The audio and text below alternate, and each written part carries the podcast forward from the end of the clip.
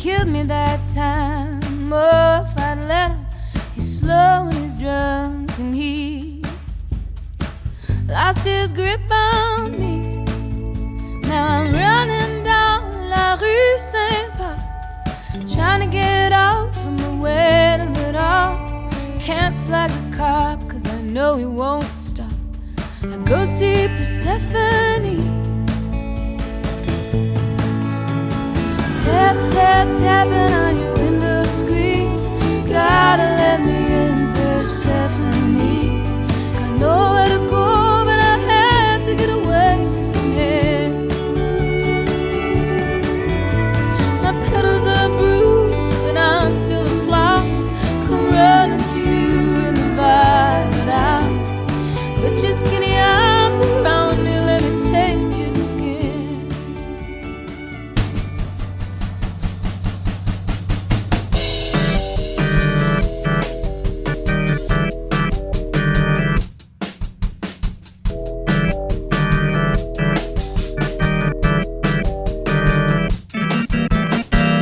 Annika. Hej Lena, det var ett tag sedan. Det var ett tag sedan nu ja.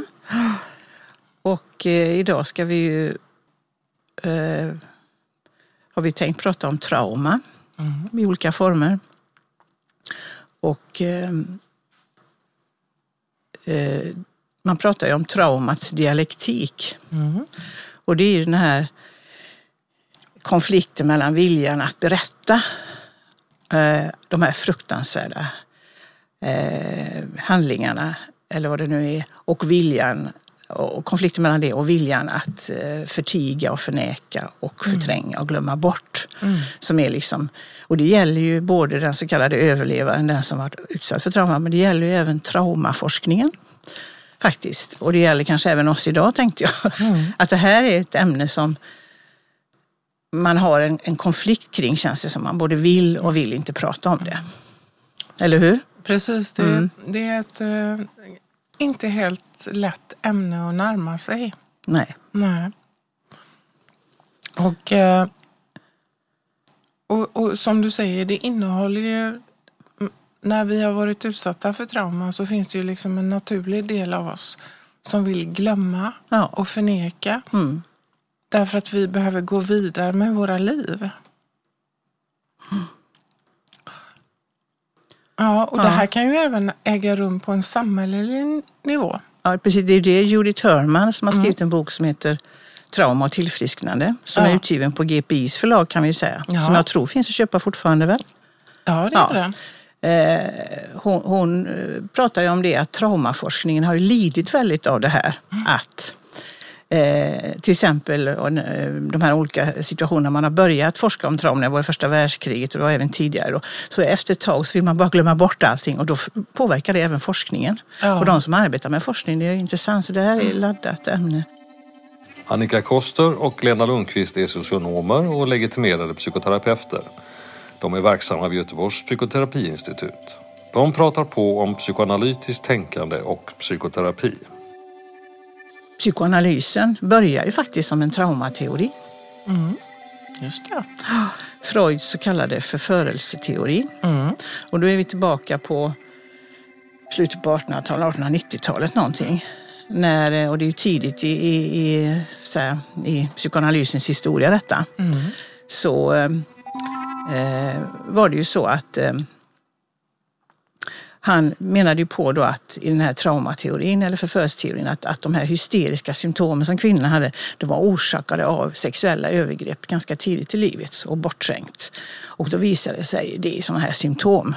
Så det fanns alltså en förförelse eller en, ett övergrepp eller något tidigt i livet.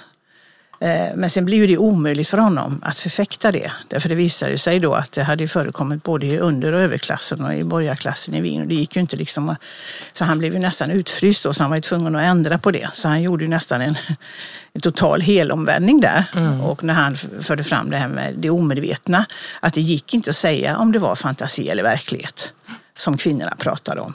Och då kanske man kan säga att han gick lite väl långt kanske åt andra hållet, apropå Dora och så. Va? Att han inte kunde se att det faktiskt hade funnits ett reellt. Vi vet ju inte, vi kan ju inte veta om det är fantasi eller verkligt. Det vet ju ingen, men det är patientens sanning. Och, mm.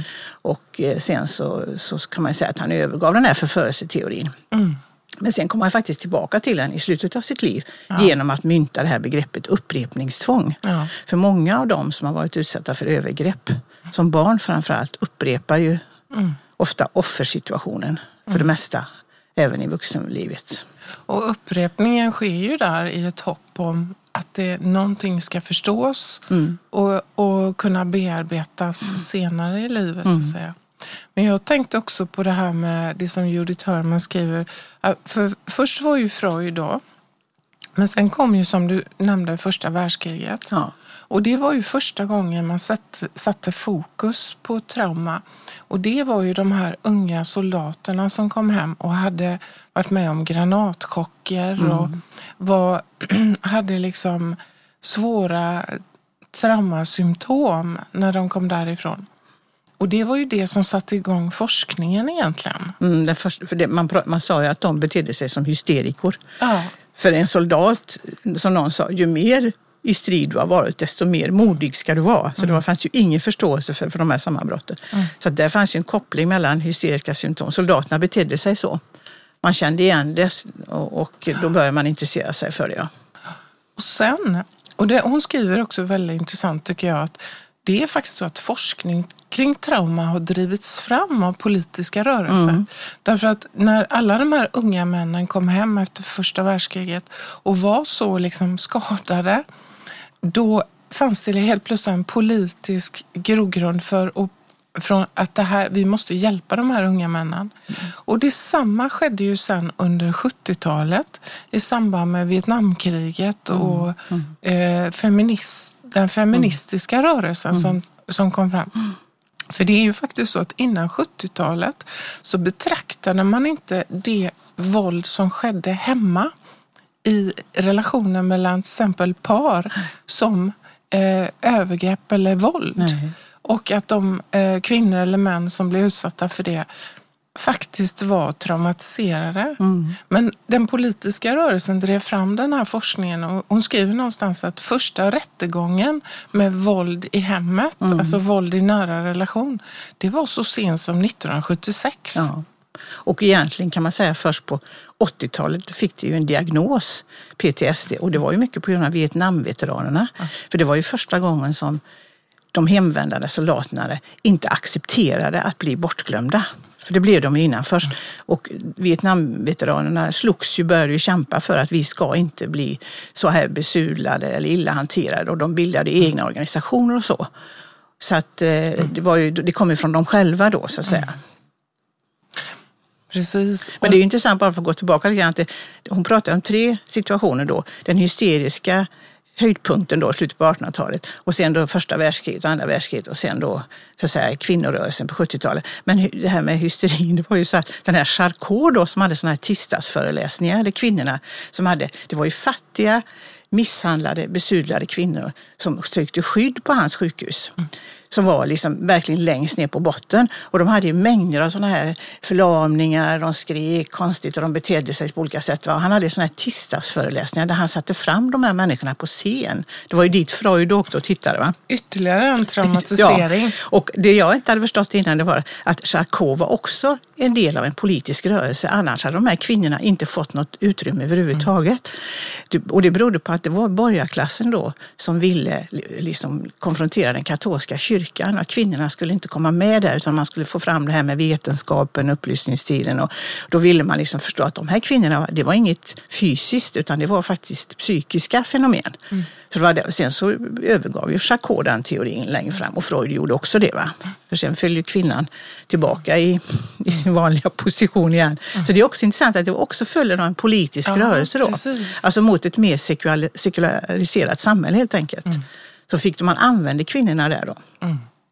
För det är ju så som Judith Thurman skriver också att, att det här kan ju ske också, apropå de här rörelserna, mm. att även på samhällelig nivå så kan det ju finnas, när liksom traumatis traumatiserande saker sker i ett samhälle så kan det också finnas en stark rörelse mot förträngning, mot förnekande. Precis. Ja. Och därför är det så oerhört viktigt är att lyfta fram i ljuset det som har hänt. Mm, mm. Och jag tänker på bara när jag åkte till, hit idag så lyssnade jag på att eh, nu är det ju de här utfrågningarna i kongressen kring vad som Mm. hände där i början när kongressen stormades. Mm. Och det här hur viktigt det är att vittnena, de som har varit med, att det lyfts fram i ljuset vad det Mm. var som hände och att det är viktigt för hela samhällets läkande så att säga. Mm. Och även tänker jag på det som hände i Sydafrika med de här sanningskommissionerna där man eh, där offer och förövare liksom samlas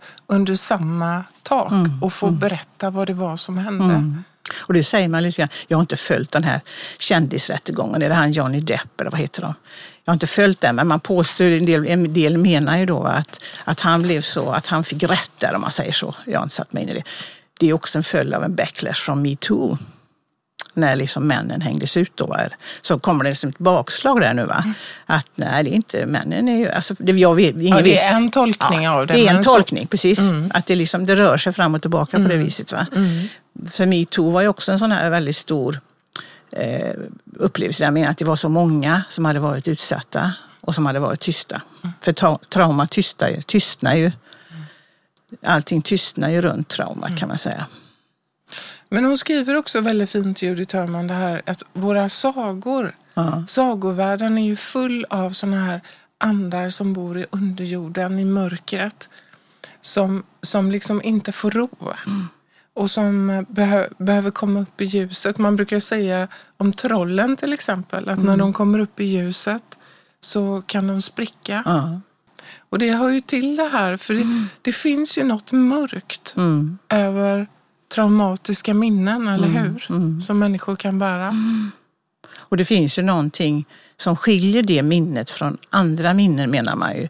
Där man kan kanske, det, det, är någon, det traumatiska minnet är så starkt så det lägger sig ofta liksom som i, limbo, helt isolerat från den övriga minnesbanken. Så att säga. Så det, därför blir det obearbetat också och därför kommer det ju sådana här back, såna här bilder då, va? det bara översköljer människan, den här överlevaren, om och Så om igen. kallade va? flashbacks, Ja, ja. flashbacks, ja precis. Så att, eh, men ska vi stanna lite, vad, vad är trauma? Nu kan vi ju, jag tänker det finns ju någon som pratar om de här tre delarna av eh, opersonliga trauman, interpersonella trauman och anknytningstrauman. Och opersonliga trauman det är ju olyckor, tsunamin och sådana här eh, stora olyckor och sånt som inte har med relationer att göra som du kan råka ut för som kan vara väldigt traumatiserande. Interpersonella är ju allt våld miss, all, mellan människor och eh, eh, och tortyr och eh, ja, fångenskap. Och anknytningstrauma är ju då det som sker väldigt tidigt i livet. När du inte får eh, en sån mamning så att säga som du behöver för att bli människa.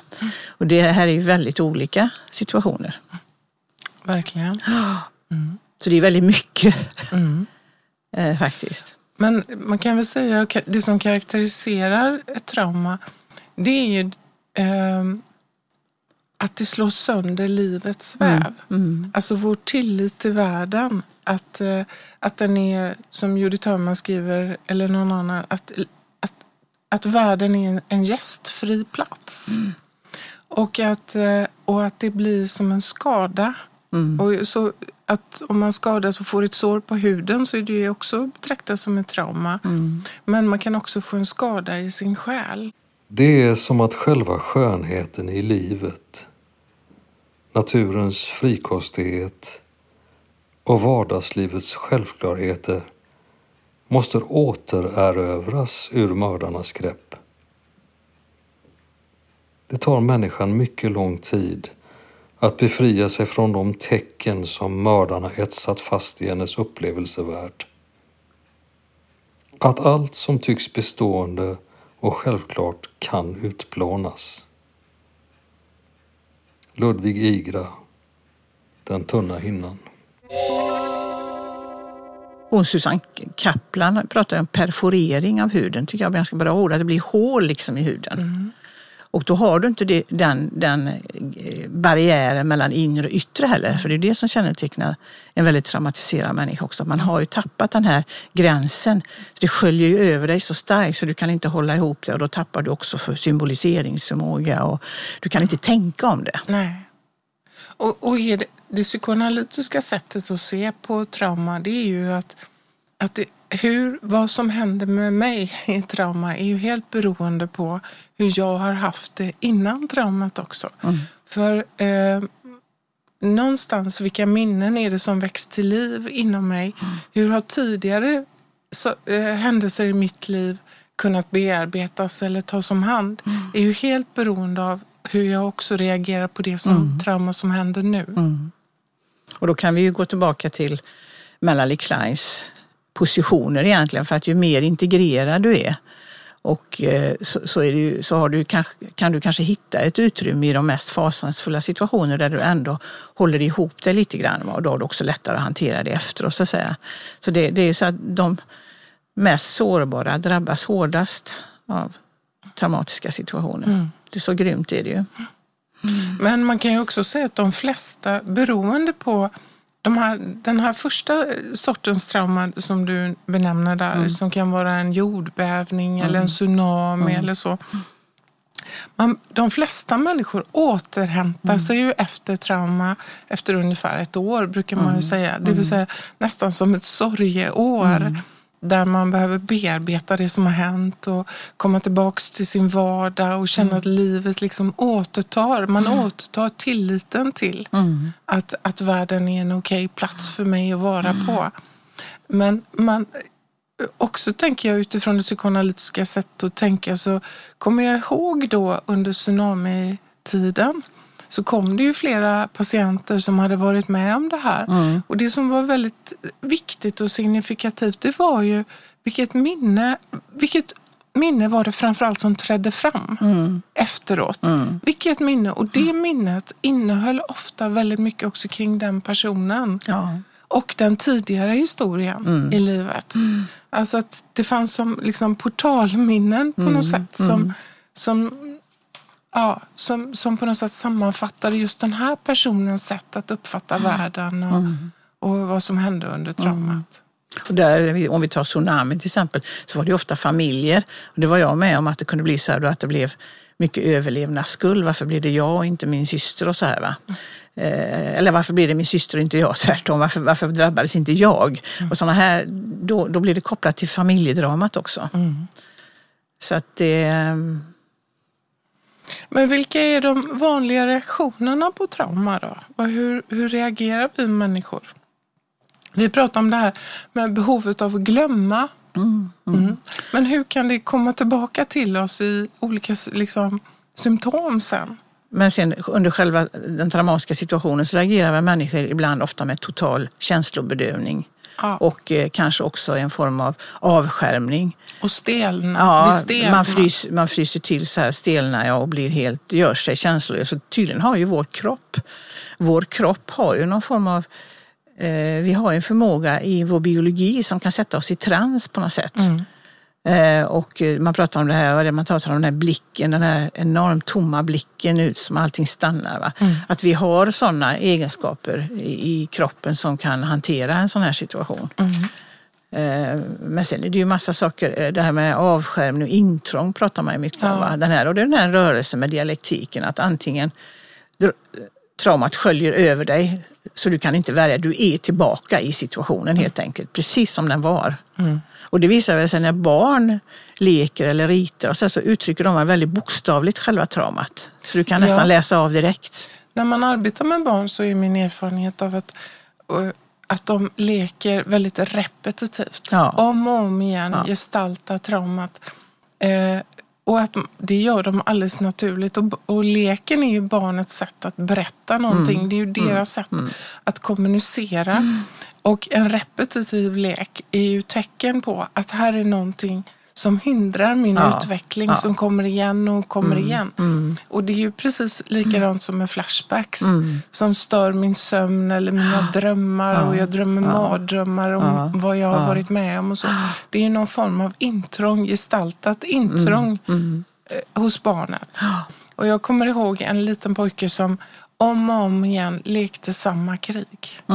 Mm. Samma krig om och om igen under nästan ett års Ja. tid.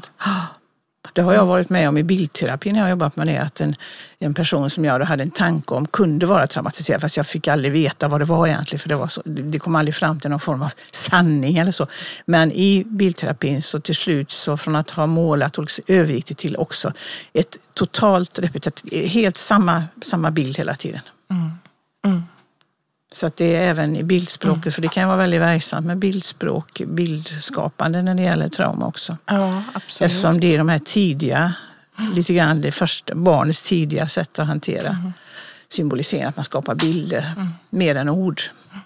Men man kan väl säga att under traumat, vilken typ av trauma det än är, eh, så är det ju så att man i någon mån känner sig hjälplös. Ja, gentemot någon som är mäktigare än jag. En situation eller en människa eller någon som gör någonting mot mig som, som jag inte, mitt system, psykiska sy- sy- system inte alls liksom kan hantera. eller när jag känner att jag kan inte göra någonting Nej. för att förändra detta, då Nej. är det ju trauma. Jag är helt maktlös, helt hjälplös. Kan, jag kan inte göra någonting. Nej.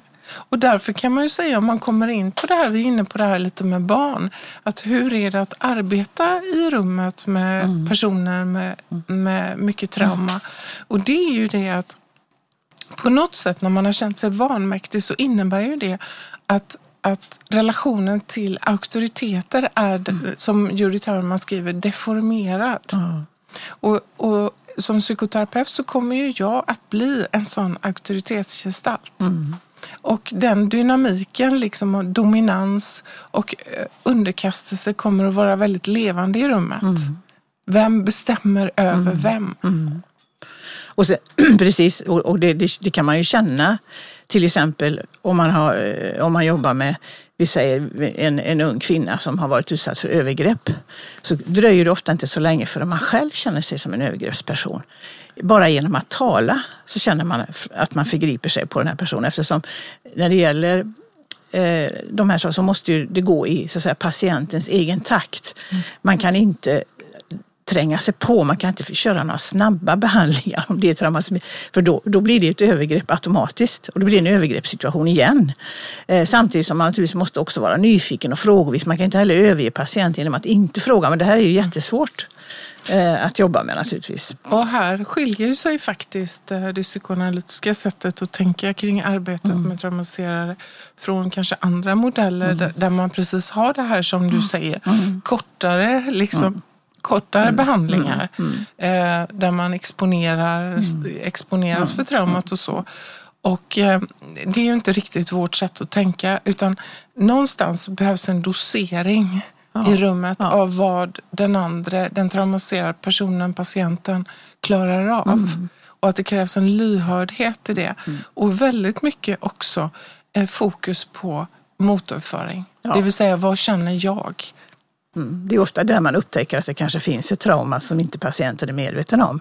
Till exempel i din egen motöverföring. Ja, och det är där, alltså det är ju som vi brukar, som vi har pratat om många gånger i podden, att det vi upplever är en kommunikation om vad som kan tänkas pågå i rummet. Men sen är det ju det här med Freuds begrepp Nachträglichkeit som vi kanske har nämnt någon gång innan. Jag tror inte riktigt jag hade fattat vad det betyder för nu när jag faktiskt läst lite mer om det. Det betyder ju att traumat kommer i, i efterhand. Traumaupplevelsen kommer i efterhand. Och Irene Mattis har skrivit en väldigt intressant artikel om det. Där hon pratar om gränsmänniskan, som hon kallar den traumatiserade människan. Gränsen mellan så yttre och inre. Och, och eh, det är ett fall som Freud skrev om som heter Emma-fallet. Och då var det en kvinna som kom till honom i 20-30-årsåldern någonting. Som hade en fobi att hon kunde inte gå in i affärer. Eh, ensam i alla fall, hon måste ha någon med sig. Och det förlamade ju henne väldigt mycket naturligtvis och förstod, förstörde hennes vardag. Och, så. och sen när, när berättelsen radas upp så visade det sig att att eh, det var först i 12-13-årsåldern 12 som hon fick det här symptomet fobin. Så innan dess har det inte varit någonting. Men då är det så att den här flickan, alltså sen, eh, det som radas upp sen då, det är att flickan vid vid åtta års ålder så går hon in i en affär och då tar affärsinnehavaren henne på hennes kön utanpå kläderna. Och det sker vid två tillfällen. Hon går in en gång till och då sker det igen. Det är själva. Och då var flickan åtta år och levde i en värld där hon inte förstod någonting om detta. Det kunde inte hon liksom internalisera i sina jag-funktioner. Liksom- hon hade ingen sexualitet av det slaget som hon kunde förstå. Så det blev bara tyst och stumt och låg där i limbo, som Freud säger, det här minnet va, fanns inte. Sen när hon är 12-13 år, då, när sexualiteten har kommit in i hennes kropp, när hon börjar få sådana fantasier, då går hon in i en affär och då ser hon två eh, affärsbiträden som skrattar och då får hon jättehög ångest och panik och springer ut och sen kommer fobin. Så mm. Hon tränger bort det här minnet. Och då eh, Sen blir det så att hon säger att ja, det var för att jag hade fel kläder eller de skrattar åt mig. Så, så då gör hon liksom sådana här, men hon, kan, hon förstår fortfarande inte vad det är. Och det kallar ju Freud för att traumat kommer i efterhand. Och om du då jobbar med detta i terapi eller i, inom psykiatri med korta kontakter, det kan ju vara så här att symptomet kommer långt senare. Mm.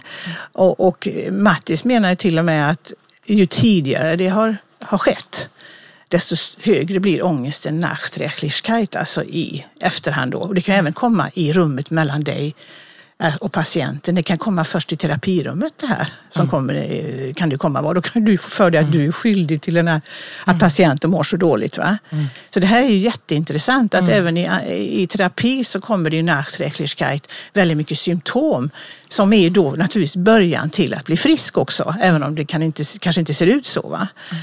Så att det där är... Ja, den artikeln, alltså, vi har ju läst lite olika ja, saker ja, innan ja. idag och den artikeln är ju jättebra. Och hon menar ju också, hon skriver Vi kanske ska stanna och göra lite reklam också för Psykoanalytiska föreningens blåa skriftserie som är jättebra. jättebra. Den här heter Trauma i vår tid tror jag och det är tre stycken som har skrivit.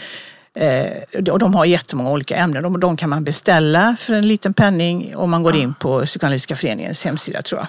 Men Freud, eh, hon, hon refererar mm. till Freud och hon skriver också där att Freud skriver då att det är ju inte vilka händelser som helst som läggs. Nej. Som, Nej. Som blir, utan det är händelser som inte har varit begripliga i sitt sammanhang Precis. när de skedde. Nej. Nej.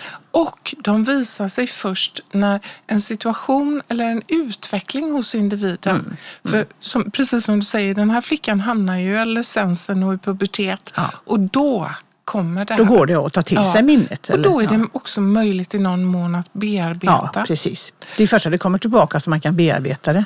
Ja. Men jag tänkte på, jag läste också, apropå nu bara referera, men jag läste, läste också någonting väldigt bra någonstans av en psykoanalytiker som heter Barbara Mattsson. Som har skrivit en avhandling om intervjuer utifrån finska krigsbarn som kom till Sverige. Och gjorde djupintervjuer med dem. Hur hur såg deras liksom, liksom hur såg historien ut? Mm. Hur, eh, hur, hur, hur tänkte de kring det idag mm. när de var mm. över medelåldern och äldre än så allihopa? Det som var så tydligt i hennes intervjuer, mm. det var att de här personerna i väldigt hög grad refererade inte alls till traumat. Nej. Det vill säga den här tidiga separationen Nej. från föräldrarna mm. när de fick en skylt på mm. bröstet och skickades mm. över mm. havet till mm. Sverige. Mm. Många av dem levde väldigt normala liv. Och det var nästan som, hon beskrev det som att det fanns en frånvaro i intervjuerna av något som borde ha funnits där. Det vill säga en tanke vad hade hänt om jag inte hade kommit till Sverige? Mm. För många av dem hade ju blivit kvar här och sen levt sina liv och levde helt okej okay liv.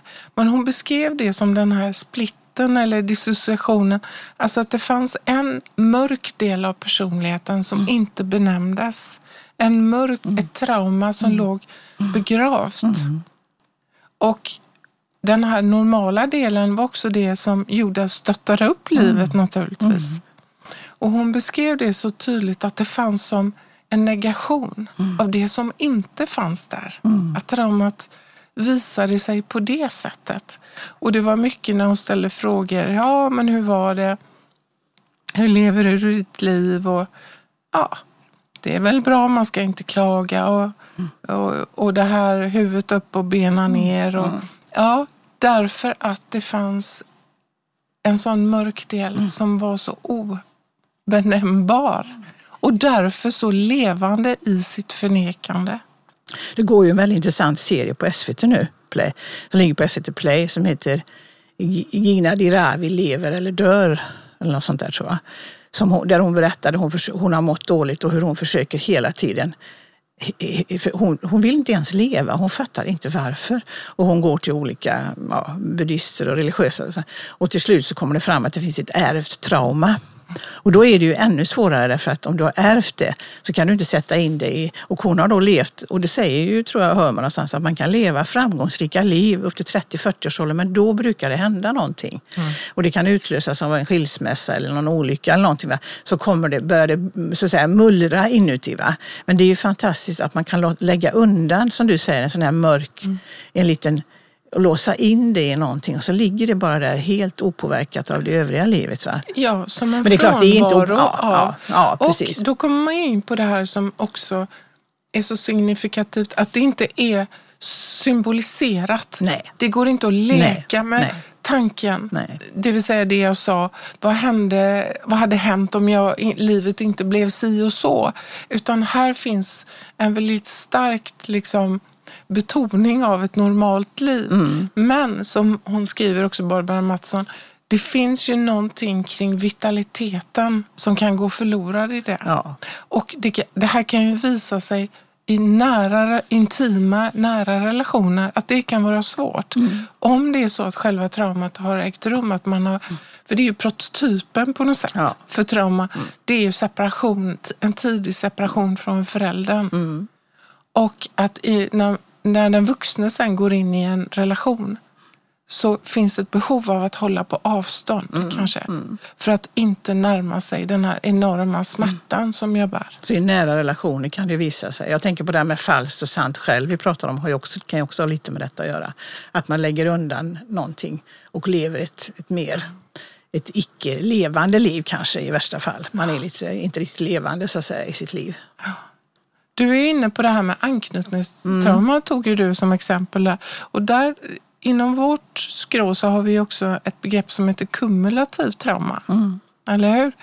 Och eh, jag läste en artikel av eh, Masoud Khan som är en Winnicottian. Ja. Alltså, mm. Vi har ju pratat om Winnicott innan och mm. han var en av eh, tillhörde den mm. gruppen mm. så att säga. Och han var det faktiskt den första som myntade begreppet kumulativt trauma.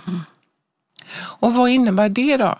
Jo, han beskriver det som små, små droppvisa trauma som sker mellan förälder och barn. Så tidigt så att barnet inte uppfattar det som ett trauma. Och kanske inte är ett trauma i sig, varje enskild händelse.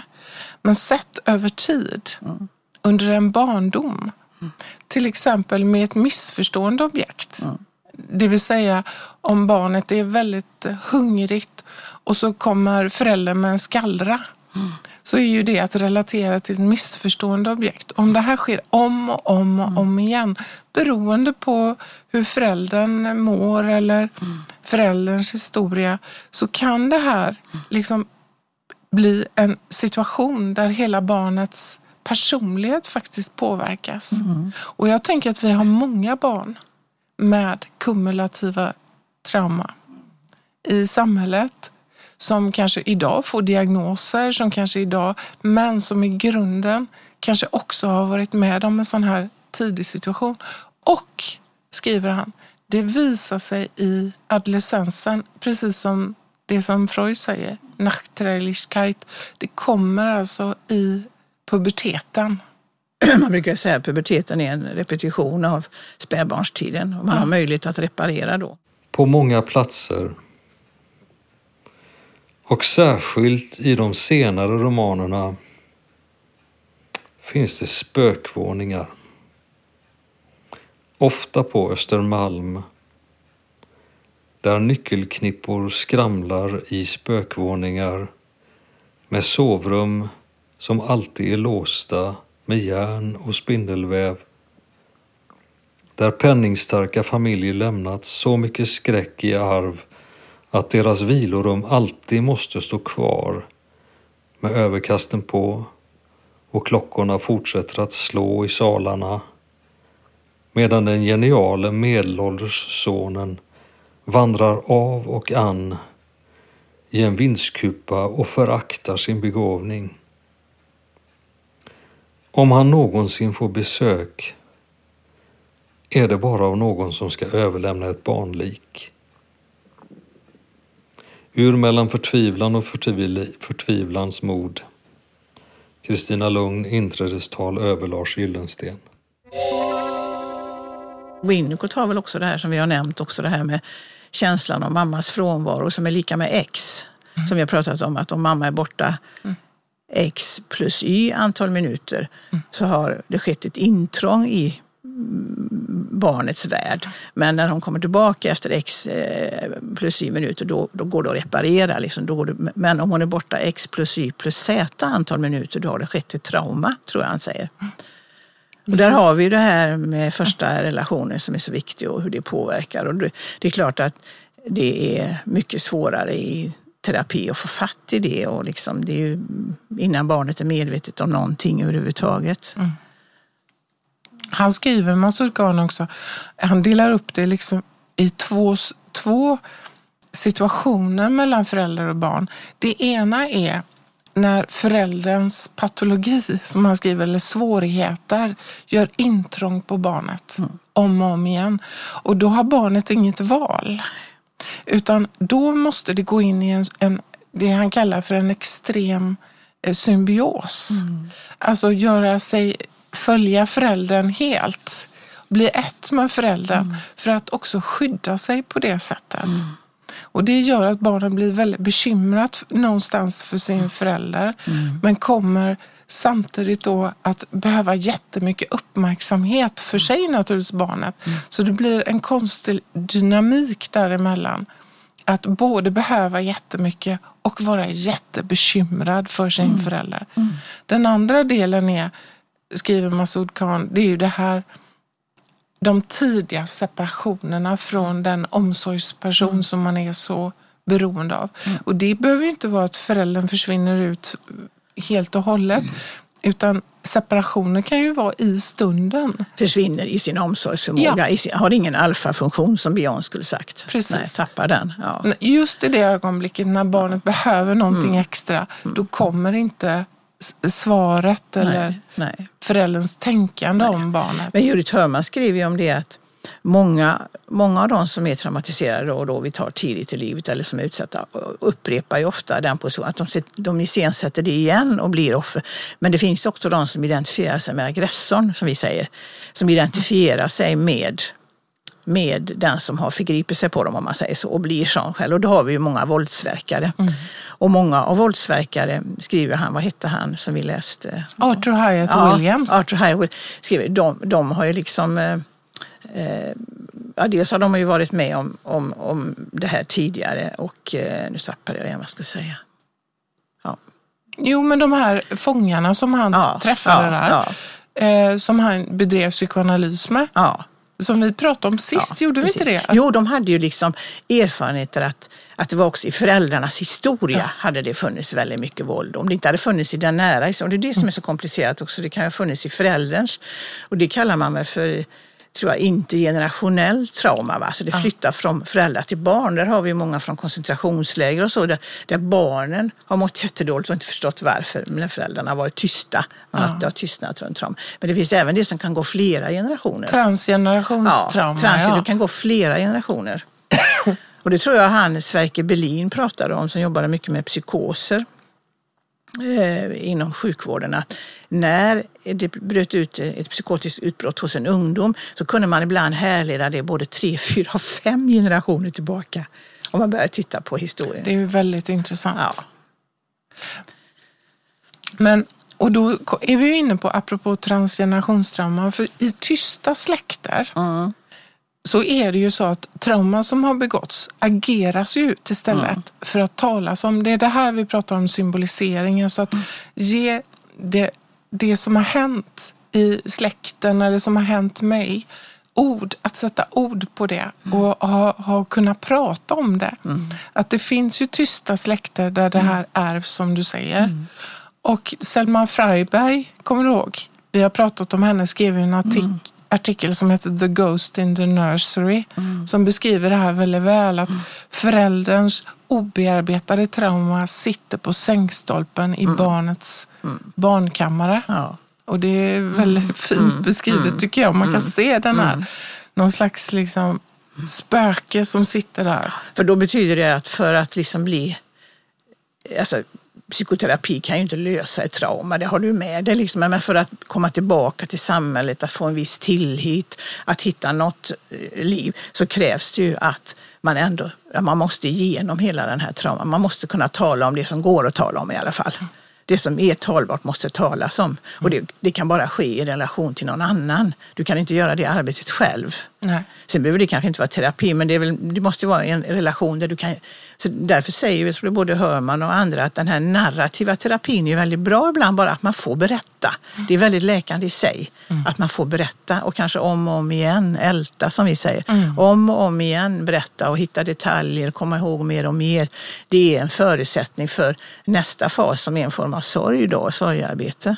Att detta har hänt mig och jag, och jag ska kunna gå vidare ändå så småningom. Ja, destinationen som vi brukar ja. säga i psykoterapi är ju, är ju ofta sorg. Ja. Att kunna acceptera det som har mm. hänt mm. trots att det är så fruktansvärt. Mm. mm. Men att, att en, i acceptansen och sörjandet så finns, ju, finns det en väg. Mm.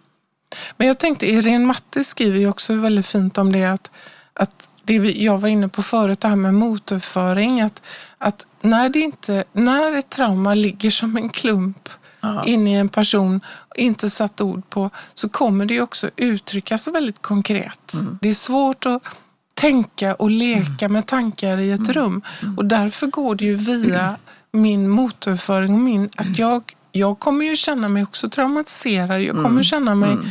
hjälplös och svag och dum och fattar ingenting som psykoterapeut, kanske under en period. Och att det har en funktion att man att jag bär det. Mm. Och det är väl det som är det jobbiga, att vi får stå ut med dels att bära den här hjälplösheten, maktlösheten, skräcken. Ja. Men också bära ibland alltså förövarens känslor, de sadistiska känslorna, kommer ju också att fara runt i oss. Mm. Plus våra egna eventuella trauma som kommer att liksom fara runt. Så det, det här är ju svåra eh, terapier att jobba med naturligtvis på grund av det. Men också hoppet, ja. att bära hoppet ja, om ja. Och där är det ju så viktigt för människor som jobbar med, med, med personer med trauma att man själv har en stödkorsett runt. Ja. Av i handledning eller mm, kollegor. Mm. Så att, för det är ju det här att kunna använda sig av andra. Det är ju mm. ofta det, det är som är så Det är nästan en förutsättning för att jobba ja, med den här typen av människor. för ja. att kunna jobba. Och ja. ha en arbetsledning som, om man jobbar mm. ute, som kan hålla om en. Mm. Det här, härbärgerandet mm. av svåra mm. Eh, emotionella delar mm. hos oss människor, det kräver, går ju ända upp faktiskt både i samhälle och organisationer att arbetsledning måste hålla om mm. personal mm. så att det här blir möjligt att bära mm. i rummet. För i och med att traumat också spräcker gränsen så att säga, mellan inre och yttre och, och, och, och så, så, kommer det också göra det med mig som terapeut. Så att jag kommer få svårt med mina gränser. Så att, eh, därför måste jag ha, ha, ha någon som håller om mig. Jag måste ha en organisation eller kollegor runt mig när jag ska jobba med detta. Ja, risken är ju annars att man blir korrupt. Ja. Det vill säga att man överträder mm. gränserna. Mm. Man mm. börjar svara på telefon i, mm. på helgen mm. eller man eh, låter eh, tiden glida över. För, och då har jag ju på något sätt också sagt. Mm. Ja, det här är så svårt att bära som du berättar mm. för mig så jag måste gå över alla mm. mina gränser också. Mm. Mm. Och det är ju inte det som personen behöver. Nej. Utan den som kommer och är traumatiserad behöver ju känna att här finns någonting fast. Ja, man har en integritet, ja. att man möter en gräns. Ja. Hon pratar ju om några narcissistiska fällor. Vi kan gå in också som terapeut vad det här med att man pris måste hela, man måste älska sin patient. Eller rädda. Rädda, ja. Att det är liksom sådana fällor man lätt går in i med den här typen av patienter. Och att man kanske, det är också någonting viktigt att vi inte tappar, för det jobbar man med mycket traumatiserade personer som har varit i krig och mm. utsatta på olika sätt. Vi måste ju också bevara vår känsla för att det finns någonting gott i mänskligheten. Ja. Mm. Och det är ju risk alltid mm. att man man behöver det. Mm. Man behöver liksom en korsett runt omkring som hjälper en att behålla det. Mm. Och så skriver de också att även om det är väldigt svårt så det, den, den betalning man får det är att man får ett rikare liv. Det tycker jag är intressant faktiskt. Det sätt du får en annan syn på livet.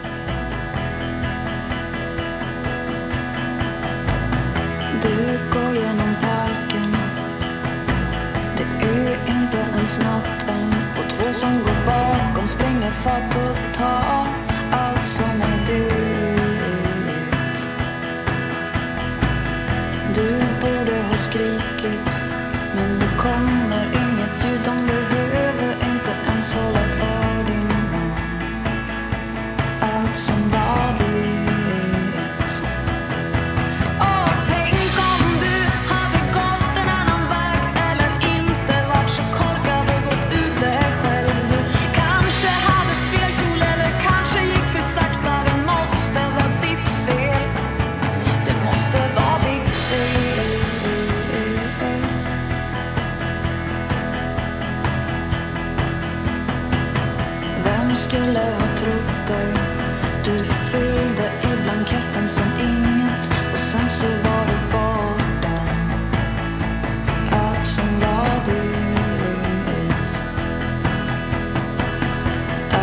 sömnlösa nätter.